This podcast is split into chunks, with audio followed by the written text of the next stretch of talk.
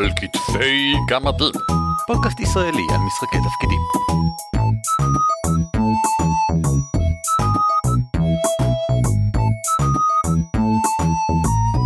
שלום וברוכים הבאים לפרק 188 של על כתפי גמדים, פודקאסט ישראלי העוסק במשחקי תפקידים, שמי הוא ערן אבירם. נעים מאוד, אני אורי ליפשיץ. אורי ליפשיץ בר, לא? אורי בר ליפשיץ האמת, אבל אני לא קטנוני. והפרק הזה אנחנו נעסוק בתלת מימד, אז אני מקווה שיש לכם את האוזניות התלת מימדיות המיוחדות, כדי שתוכלו להקשיב לו כמו שצריך. לא, לא, לא נעשה את הבדיחה לא? הזאת. בוא, בוא פשוט נמשיך, בוא פשוט נמשיך ונקווה שאנשים יתעלמו מזה. כתב לנו לפני uh, כמעט שנה עמית בלום מספר שאלות אבל אנחנו נתמקד בזאת שעוסקת בנושא של הפרק תלת מימד. קרב תלת מימדי. כקווסט צדדי אני רציתי להכניס את החבורה שלי למערה שבה נמצא איש עם שיקוי ידידות מצד חיות וגלימת טיפוס עכביש וכל מיני עכבישים ודברים כאלה כל המערה מכוסה רשתות לאורך ולגובה כך שכמעט בכל מקום ניתן לזוז, לאורך או לעלות או לרדת במרכאות קומות. חלק מהרשתות מובילות לעכבישים שמושכים אותן למעלה כשמישהו נוגע או נדבק או מטפס עליהן, כלומר בתוך המערה יש עכבישים וזיזי סלע ומדפי אבן ורשתות ואיש מעצבן עם קשת שכל הזמן יורה עליהם. יש לכם רעיונות איך להפוך את הקרב ליותר מובן ופחות כאוטי? משהו שיעזור לקבוצה לדעת מי נגד מי ואיפה כל אחד נמצא? יש לנו לוח משבצות מרחיק בגודל סביר ומיניטורות לשחקנים, אם זה עוזר. בברכה, תודה עמית בלום. נ"ב, נא לא להעלות בפרק של על כתפי גמדים עדיין משום שהדברים עוד לא קרו. ובכן עמית, אני בטוח שהדברים כבר קרו, אז אני מרגיש מאוד בנוח להעלות אותם. ואם לא, אני מרגיש שזה כבר לא אשמתנו. השאלה אם ככה היא אה, איך לזה עושים תלת מימד אה, קרב תלת מימד באופן שאני אני אהבתי את מה שהוא אומר, שיהיה פחות כאוטי ויותר מובן. אני, אני קודם כל רוצה להתחיל בכל פעם שניגשים לשאלת התלת מימד, יש שאלה אחת שבעיניי היא, היא מאוד אקוטית. והשאלה היא אם אנחנו מדברים על מרחב גדול ופתוח, דמיינו לעצמכם אה, אולם אופרה למשל, שבאמת יש חלל גדול פתוח במרכז שלו וכל החללים, כל הקומות הם מקושרים אחד לשני, כמו אולם תיאטרון, כמו מרחב עירוני גדול, או שאנחנו מדברים על קומות מחוברות, כמו להריץ משחק בגורד שחקים. שבו בסופו של דבר למרות שהוא תלת מימד עדיין יש קומה ומעליה קומה והאינטראקציה בין הקומות היא הרבה יותר מוגבלת, מה שהרבה יותר מקל עלינו. האופציה הראשונה היא מסובכת לאין שיעור מהאופציה השנייה, ועדיין אפשר לעשות את שניהם. אז אה, מה שנעשה במהלך הפרק הזה, נעבור על כמה רעיונות של איך לייצג תלת מימד בתוך עולם המשחק, וניתן את העצות שלנו, ואם יש לכם עוד עצות ורעיונות, אנחנו מאוד נשמח לשמוע. אוקיי, okay, אז בוא נתחיל לעבור על, על דרכים לייצג תלת מימד החל מאפס ייצוג עד למקסימום ייצוג. אה, ו- ואפס ייצוג זה להימנע מתלת מימד. זאת אומרת, פשוט לא לעשות את זה. אם יש קרב נגד אה, דרקון שעף בשמיים ואנחנו למטה, אז לוודא שלאף אחת מהדמויות אין את היכולת לעוף, ואז זאת לא בעיה. אם למישהו מהם יש את היכולת לעוף, אז שהדרקון יאכל אותו מהר. אז, אז שהקרב יהיה כל כך גבוה, שיש את אלה שעפים והם כרגע בקרב, ואת אלה שלא עפים והם כאלה ברצפה, ואין השפעות אפילו, אפילו עכשיו כבר לקחת צעד אחד יותר מכפי שאני בדרך כלל מוכן. מבחינתי אם, אם אפשר להימנע לגמרי מתלת מימד אני מעדיף וזה גם משהו שהרבה שיטות מאוד נרטיביות יזרמו איתו בעולם המבוך למשל מאחר והכל לגמרי נובע רק על תיאורים של מיקומים אני בגדול אגיד אני נמצא מתחת לדרקון אני נמצא על הדרקון או שאני נמצא בתוך הדרקון זה בגדול כאילו המקומות שבהם כנראה אני אהיה במהלך הקרב הזה, וזה לא כל כך משנה שהוא תלת מימד. באותה מידה הדרקון היה יכול לרוץ לעברי על גבי הרצפה, זה, זה, לא, זה לא קריטי. אמ, וזה, וזה בעצם כבר גם זולג לנקודה השנייה, האבסטרקטי. ברגע שאתה משתמש במקומים אבסטרקטיים שהם פשוט רק יחסיים, איפה אני לעומת משהו אחר, זה גם יחסית עובד בגדול אם כי אני מנסה לדמיין את הסצנה שתוארה לנו מקודם לגבי אה, אזור העכבישים ואני מזכיר שלא רק שהקירות מכוסים בעכבישים יש גם כל מיני זיזי סלע והכורי עכבישים זזים כשנוגעים בהם כי עכבישים מושכים אותם אתה מבין אתה עלול לעבור בין אה, גבהים שונים שלא בתורך או דברים כאלה כי מושכים אותך זה בלגן גדול ואני לא מצליח לדמיין אבסטרקטית איך לעשות כזה דבר אבל אבסטרקטי זה עדיין איפה שבדרך כלל לי נוח כמנחה. זאת אומרת, אני לא אריץ בכלל משהו כל כך מבולגן כמו מה שהוא הציע. אמ, אחד המקומות הכי נוחים לאבסטרקטים שאני מכיר זה חוקי המרוץ של עולמות פראיים, אה, שיכולים להתרחש בכל מדיום, כי זה לא משנה אם אתה רץ, זה אנחנו עשינו אולי אתה זוכר בפגישת האפס של צעדי המפלצות, עשינו מרוץ ברחבי רחובות לונדון, וזה היה על, על קומות, זה היה ברחובות, זה היה תלת ממדי ללא ספק, וזה לא היה כל כך חשוב בגלל שהשאלה היא איפה אנחנו לעומת דברים אחרים. אם כי יצוין שדווקא יש לעולמות פראיים אה, חוקי תנועה מדוקדקים, אם רוצים לעשות אה, קרבות של רכבים ודברים כאלה, גם בתלת מימד, אה, יש, יש להם נתונים בילט אין, זה לא הרחבות או משהו, זה, זה כבר מופיע בספר החוקים הבסיסי עצמו. אז מי שרוצה יכול, וזאת כנראה השיטה הכי פשוטה שאני מכיר לעשות את זה, אז שווה כנראה הצצה בכל מקרה. והמקור השני לחוקים תנועה אבסטרקטיים שאני משתמש בהם מלא הוא וורמר פנטזי או Edge of the Empire בימינו. Mm-hmm, שאני מאוד אהבתי את הייצוג שלהם של וואלה אתה או צמוד למישהו רחוק ממישהו או ממש רחוק ממישהו. אתה יכול פשוט לקחת את זה לגובה בגדול באותה מידה תאורטית. נכון אתה אני קרוב אליך באותו מישור אני רחוק ממך כי אתה קומה למעלה הכל מצליח ועדיין פעולת תנועה מקרבת אותי לאיזשהו כיוון. לא משנה לאיזה. בוא נעבור לשלב הבא שהוא אה, שלב אחד למעלה כי זה קומות. אמ, ותלת מימד בקומות הוא, הוא, הכי, הוא מאוד פשוט הוא, הוא, הוא, הוא ברור מאליו כמעט אה, ואורי אלא לפני שהתחלנו דוגמה שאני שכחתי ממנה לגמרי לגבי קרב שהתרחש כולו בתוך ספינה עם סיפונים שונים. אז אם למשל יש mm-hmm. סיפון עליון אז הוא מסורטט במקום אחד במפה ומסיפון תחתון הוא מסורטט במקום אחר במפה וכשאתה עובר ביניהם יש פשוט מדרגות שדרכן אפשר לעבור זאת אומרת אתה לא יכול סתם לעלות למעלה ולמטה זה לא חופשי זה בדיוק מה שאורי אמר בהתחלה מרחב פתוח או קומות מחוברות. אז זה הקומות המחוברות הכי קלאסי אפשר לעלות רק במקומות מאוד מוגדרים במפה וכל קומה בפני עצמה היא, היא נוחה לשימוש. כן במקרים כאלה אני מוצא שהנקודה הבעייתית היא כשהשחקנים מתחילים לשנות את המפה. כן. במובן של אה, וואו בסדר, יש מישהו מעליי, אבל אני מטיל פיירבול באמצע קומה 2, מה שאומר שגם קומה 3 וגם קומה 1 נשרפות, ויש חורים עכשיו גם בתקרה של 2 וגם ברצפה של קומה 3. ונורא קשה להמשיך לייצג את הדברים האלה.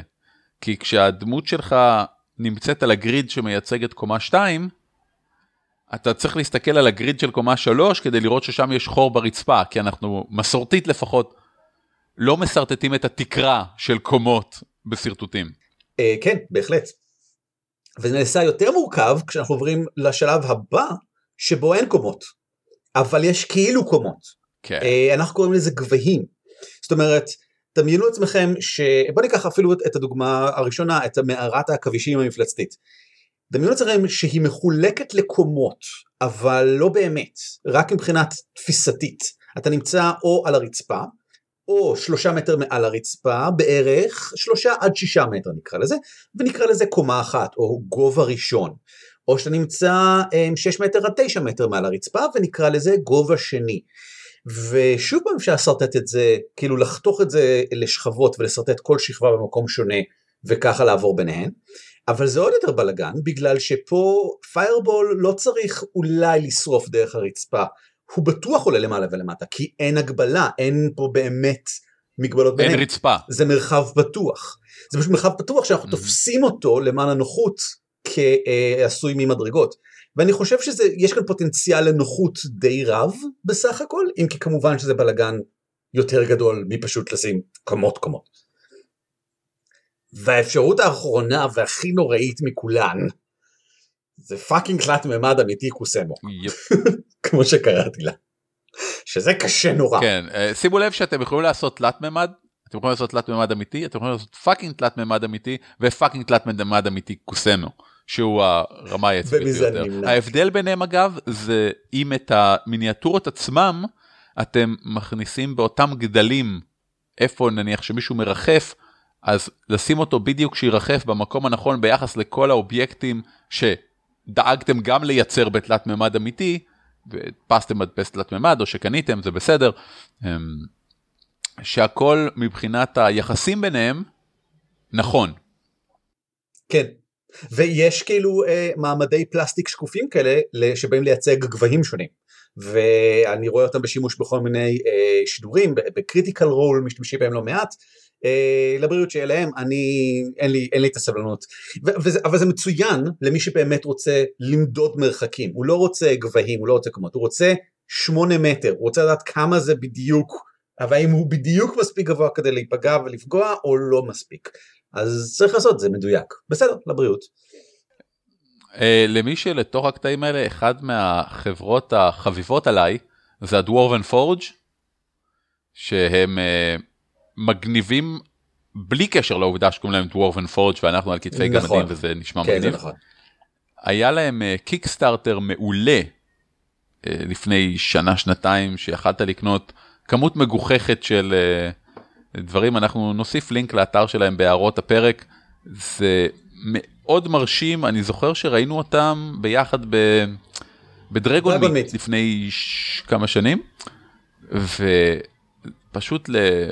אתה מסתכל על הדברים שהם עושים ברמת איכות שהם עושים וחושב לעצמך וואו כמה הייתי רוצה להריץ משחק בתוך המבוך הנראה לגמרי אמיתי הזה.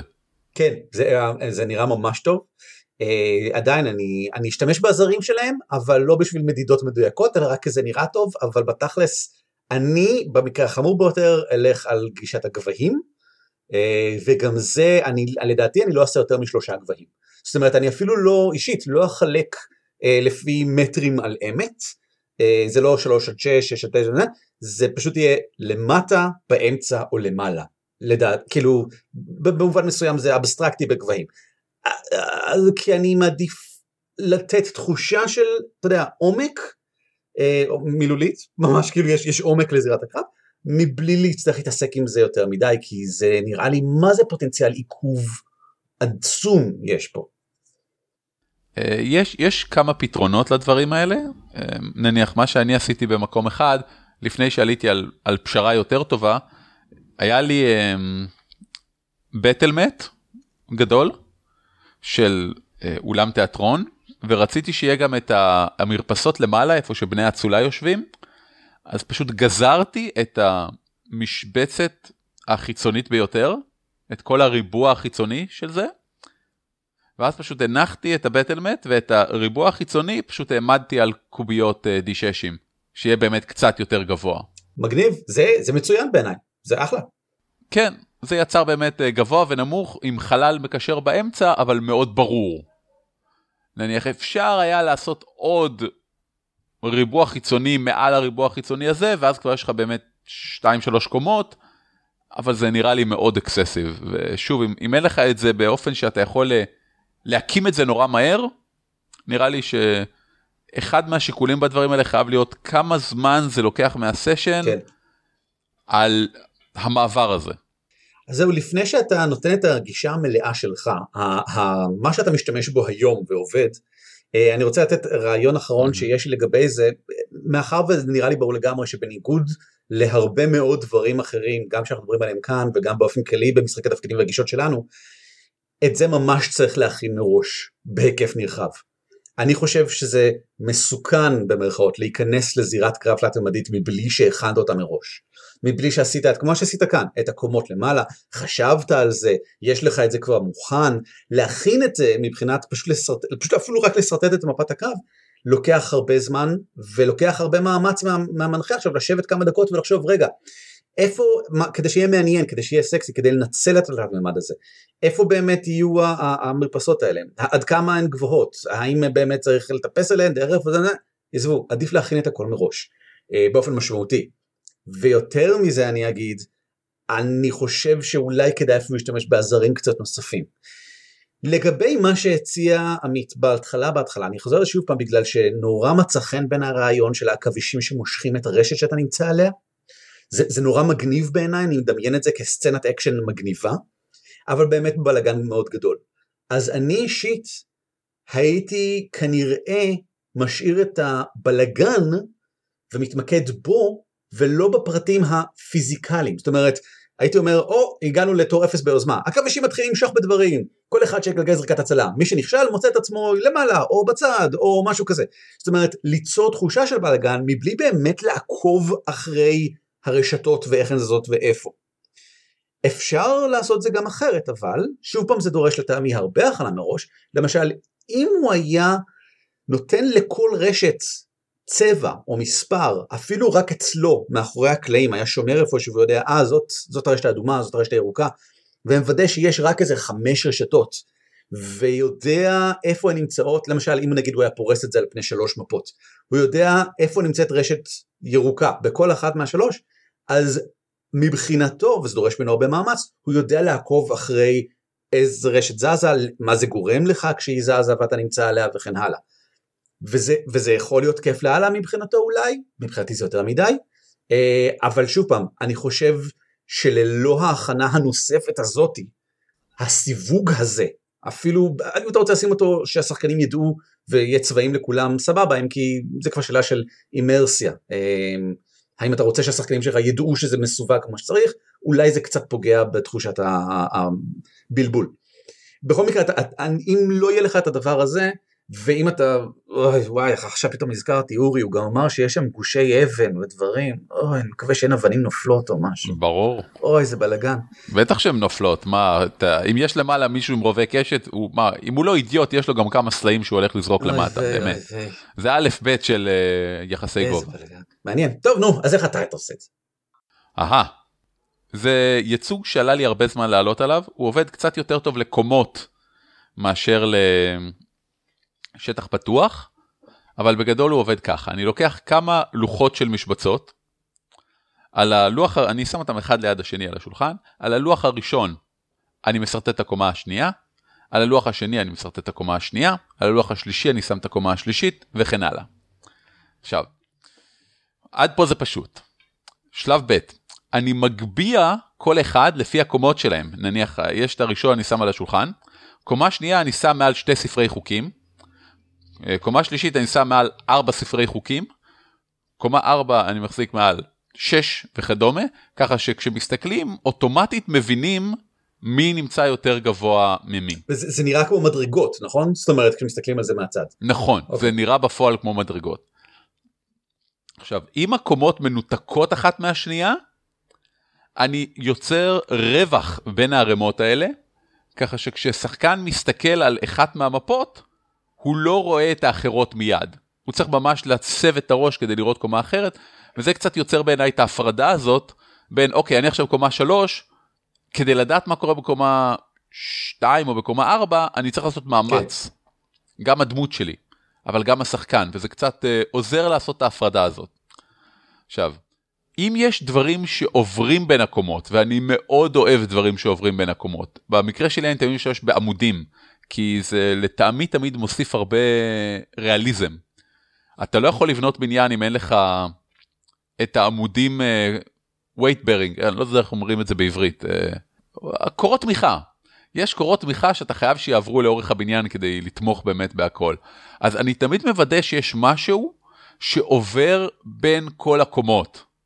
ואז זה מסורטט באותו מקום בכל הקומות, ואני גם שם את זה באיזשהו צבע קצת יותר בולט, אז תמיד יש לך נקודת התייחסות.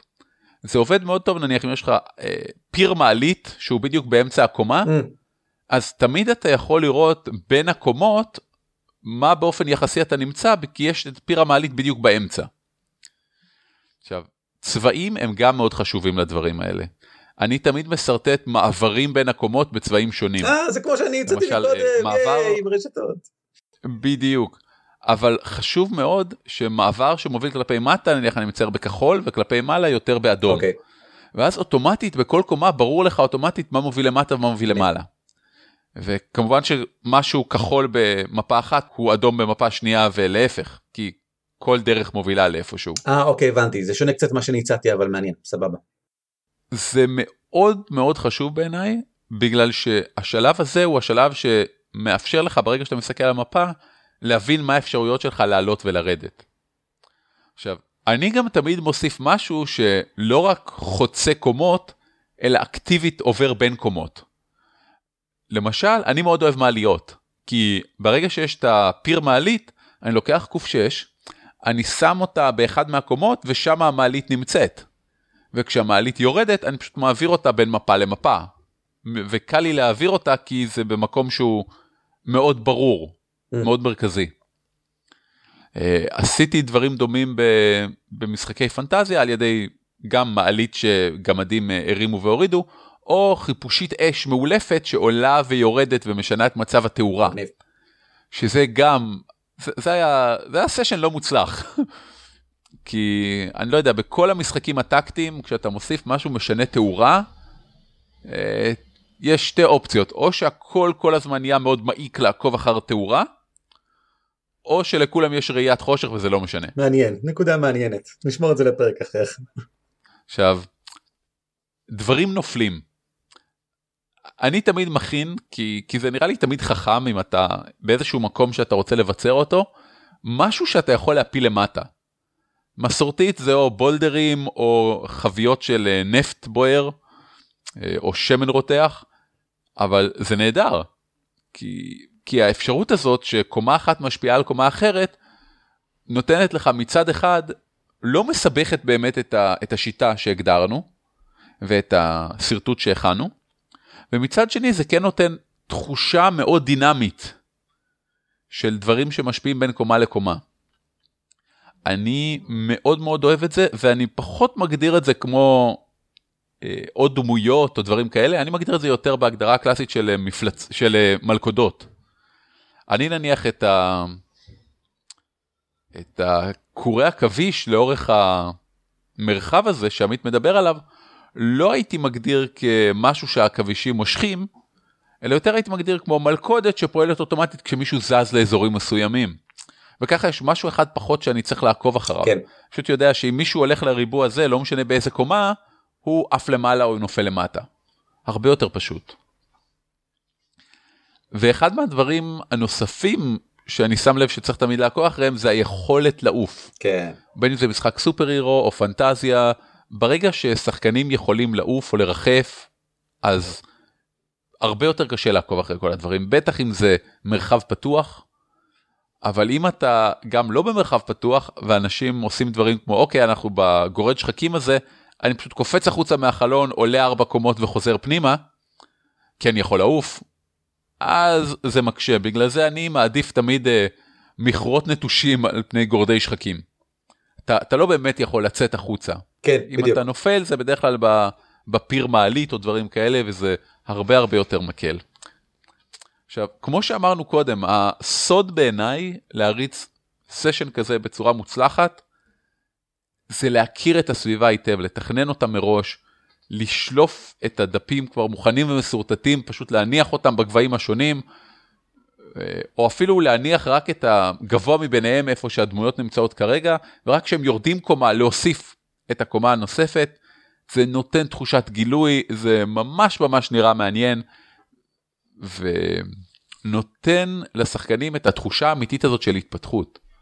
אם אתה מתחיל בקומה הרביעית, ואז מישהו מסתכל לתוך פיר המעלית, ואתה אתה רואה ארבע קומות למטה, הוא אומר, אה, ah, טוב, כנראה שסתם פיר שיורד איפשהו למטה.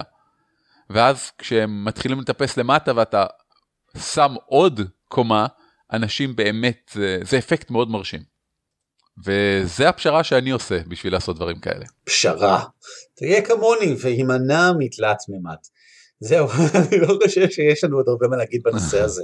אמ, זה נראה, אני חושב, הרושם שאני מקבל, הוא שמשום מה, כשאתה רוצה להכניס תלת מימד למשחק, אתה צריך המון מרחב בשולחן שלך, בזמן שאם אתה מכניס אה, קרב מפלצתי בין 3,000 אה, יצורים על גבי שדה קרב אה, שנמשך לנצח, אתה לא צריך להכניס שום דבר, כי את זה אפשר לשחק אפילו בלי מיניאטורות, זה, זה חופשי יכול להיות רק בדמיון.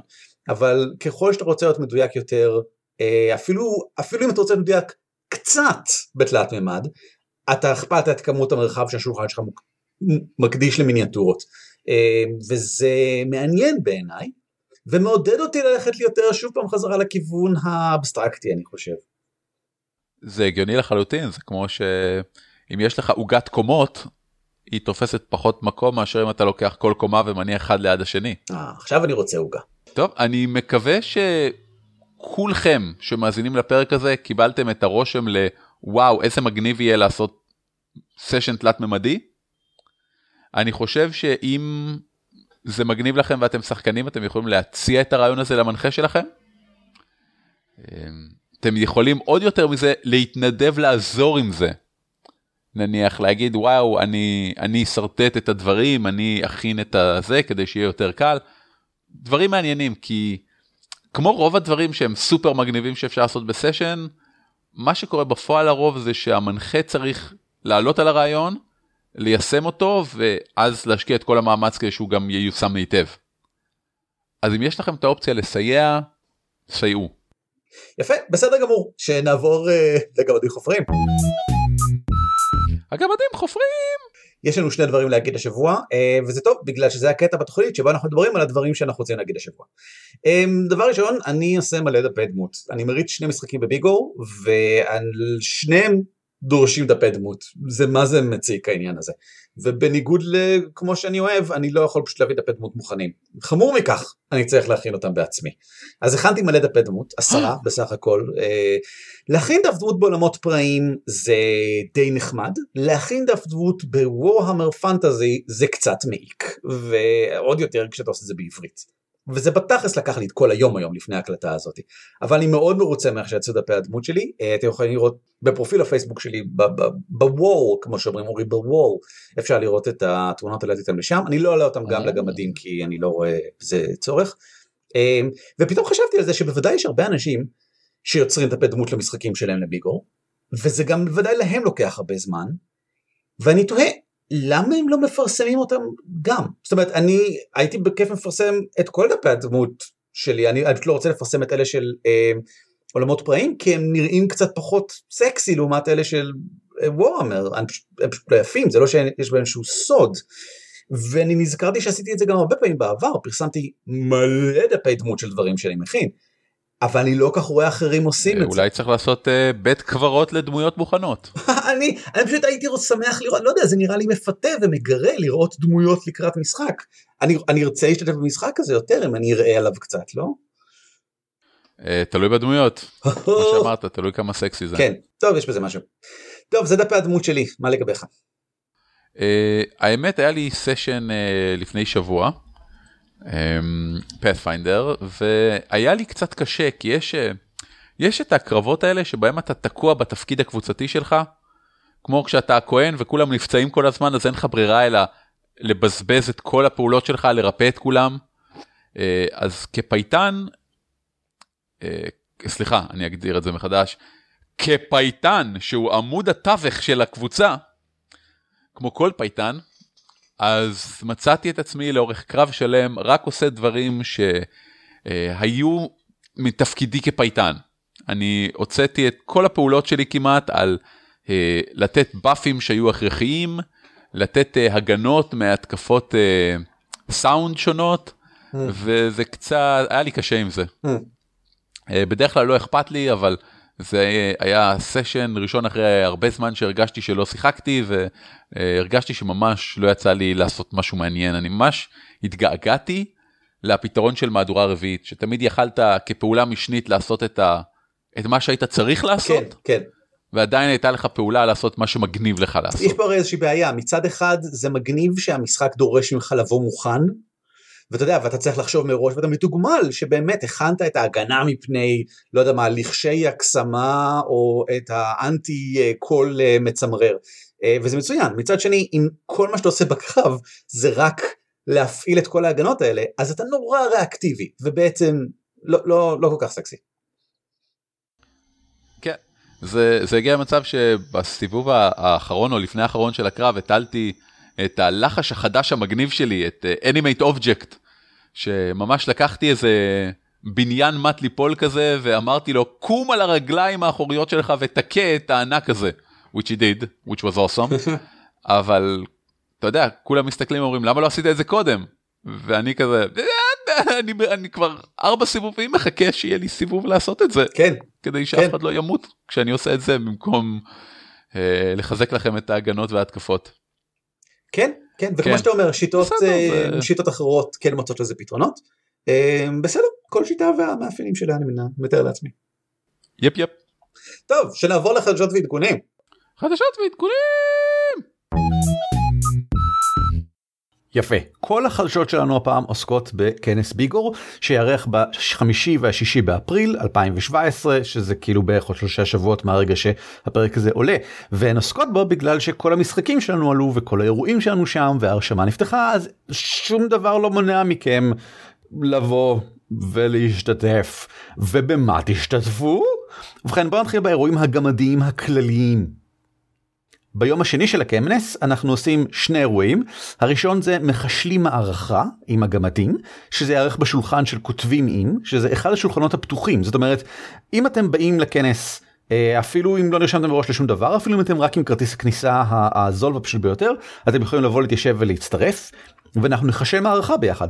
אה, ביחד איתכם. אתם תחליטו ביחד איתנו איזה רכיבים ונעשה את זה כמו שאנחנו עושים בדרך כלל. וקצת מעבר כנראה שנדבר טיפה יותר על לאיזה מקומות נוספים אפשר לקחת את המערכה הזאתי ומאחר וזה גם לשבת ממש איתכם ולא רק לדבר למולכם אז אה, יותר מפתוחים לדבר איתנו על כל מה שקשור למערכות באופן כללי. אה, ולחישולן אנחנו ננסה לעזור לכם לוודא שהדברים שלכם עובדים כמו שאתם רוצים. מנחים ושחקנים ביחד כמובן. זה יהיה ב-10 בבוקר ואנחנו נשב שם למשך שעתיים ואז נעבור לעשות פרק של הגמדים חופרים בשעה 12 אה, למשך עוד שעתיים ואתם כמובן מוזמנים להצטרף גם לזה. שוב פעם לא צריך שום הרשמה מראש ולא צריך לשמור כרטיסים. אם אתם בביגור באותו היום ולא חשוב עם איזה סוג של כרטיס אתם יכולים להצטרף ולבוא. מעבר לכך אני מריץ שני משחקים האחד יהיה מיד לאחר הגמדים חופרים. כן יש לי יום מאוד ארוך. אני מריץ את לב הקריסטל בדם קר שזה משחק שמתרחש בעולם של לב הקריסטל. הוא ישתמש עם המכניקה של לב הקריסטל זה יהיה סוג של playtest מתקדם עבור המכניקה הזאתי אה, ועם דמויות של סוכני סין. אם אתם עוקבים אחרי הקומיק שלנו עד ארבעה שחקנים באנגלית Up to אז אתם כבר מכירים חלק מהדברים שאמרתי עכשיו. ואם לא אז אני ממליץ שתנסו כי אנחנו מאמינים שמדובר בעולם מאוד מגניב. ההרפתקה קשורה באופן עקיף למתרחש בקומיקס אה, וקורית זמן מה לפני כן ועם דמויות אחרות. המשחק השני שאני מריץ יארך ביום הראשון של ביגור בשלוש בצהריים והוא הקמפיין שלי האויב שבינינו. וזה בגלל שזה חלק מסדרת הקמפיין שלי סדרה של משחקים שבהם כל מיני מנחים מריצים סשן מתוך הקמפיין שלהם כביכול או משהו שמתממשק עם הקמפיין שלהם כדי לתת חלק מהתחושה והאווירה של ההתנהלות של המערכה הביתית שלהם פשוט בביגו. זה רעיון שממש מצא חן בעיניי ויש מערכה ארוכה מאוד שאני מריץ עכשיו האויב שבינינו אנחנו גם מקליטים אותה ואפשר לראות אותה בווידאו באתר אה, ואני מאוד רוצה לשתף אותה עם אנשים אז כתבתי סשן מיוחד שמתממשק עם המערכה הכללית יותר גם עם הרעיונות הכלליים שקורים בה גם נותן הרבה תחושה אני מקווה של העולם של וורהמר אה, והוא כמובן ינוהל בוורהמר. גם אם אתם לא מכירים את אה, השיטה וגם אם אתם לא מכירים את המערכה הזאתי אין שום בעיה זה מתאים למתחילים חדשים לגמרי. יש לנו ארבע שעות משחק ויש במהלכן הרבה משחק לעבור אז אני מאוד אשמח לראות אתכם בשולחן הזה. והמשחק האחרון הוא תותחי פוטון וקשר טלפתי אה, שזה משחק שיריץ אביב מנוח בשיטת לייזרים ורגשות שזה שיטה שבה רוב המשחק מאולתר על המקום זה מין פיתוח של אה, המכניקה של עולם האפוקליפסה. אפשר לקרוא את כולה על דף אחד בלבד אנחנו ניתן קישור להורדה שלו אם אתם רוצים. וספציפית אביב מריץ את זה בעולם של סטארקרפט אז אם אתם אוהבים את העולם של סטארקרפט זה בכלל מגניב ואם אתם לא מכירים אותו אז הנה הזדמנות להכיר זה יארך גם כן ביום הראשון של הכנס בין 11 בבוקר ל-2 בצהריים זאת אומרת אתם יכולים להספיק גם את המשחק שלו ואז גם את המשחק שלי ואז למחרת לבוא לכל האירועים שלנו הכל אם אתם רוצים. המשחק של אביב סגור לגילי 27 פלוס המשחקים שלי לגילי 16 ומעלה והאירועים הפתוחים הם כמובן פשוט פתוחים. זהו מכירת הכרטיסים היומיים לביגור אה, נפתחה אפשר כבר לקנות אותם ואולי כבר כדאי הרשימה המלאה של המשחקים גם כן זמינה באתר כך שתוכלו לדעת למה אתם רוצים לבוא ולהתחיל לארגן את היום שלכם. וההרשמה לאירועים תיפתח במהלך הימים הקרובים אם אתם שומעים את הפרק הזה כמה ימים אחרי שהוא עלה אז היא כנראה כבר נפתחה. חשוב לציין רק מי שיש לו כרטיס יוכל להירשם לאירועים מראש. אתם לא חייבים להירשם מראש אתם יכולים לבוא במקום ולקוות שתצליחו להתברג לאיזשהו משחק. לשיקולכם. זהו תודה רבה שהקשבתם לנו אם אתם רוצים להקשיב לעוד מהדברים האלה כנסו לדוורפס.org.il כי יש שם מעל 188 פרקים כן מעל 188 בגלל שחלקם הם פרקי בונוס יש איזה 16-17 כאלה. וכמו תמיד אם מצא חן בעיניכם אנא שקלו לשלוח את הפרק הזה לחבר חברה שכן או שכנה מישהו שזה יכול לשרת אותו למצוא חן בעיניו ואולי ירצה להקשיב לעוד. תודה רבה אני הייתי ערן אורי היה מקודם, הוא לא יכול להגיד שום דבר, כי אני מקליט את זה בלעדיו, איזה באסה לו. להתראות. על כתפי גמדים משותף ברישיון שיתוף ייחוס זהה Creative Commons 3. כלומר, אתם מוזמנים להפיץ אותו היכן ומתי שתרצו, כל עוד אתם נותנים קרדיט למקור. הצוות שלנו הוא ערן אבירם, אורי ליפשיץ ואביב מנוח, וניתן למצוא אותנו באתר שלנו ב-dwarves.org.il, בפייסבוק, בטוויטר או בגוגל פלוס, או לשלוח לנו מייל לגמדים את roleplay.co.il. על כתפי גמדים מוגש לכם בחינם, ואם אתם רוצים לתמוך בנו, היכנסו בבקשה ל-dwarves.org.il/support.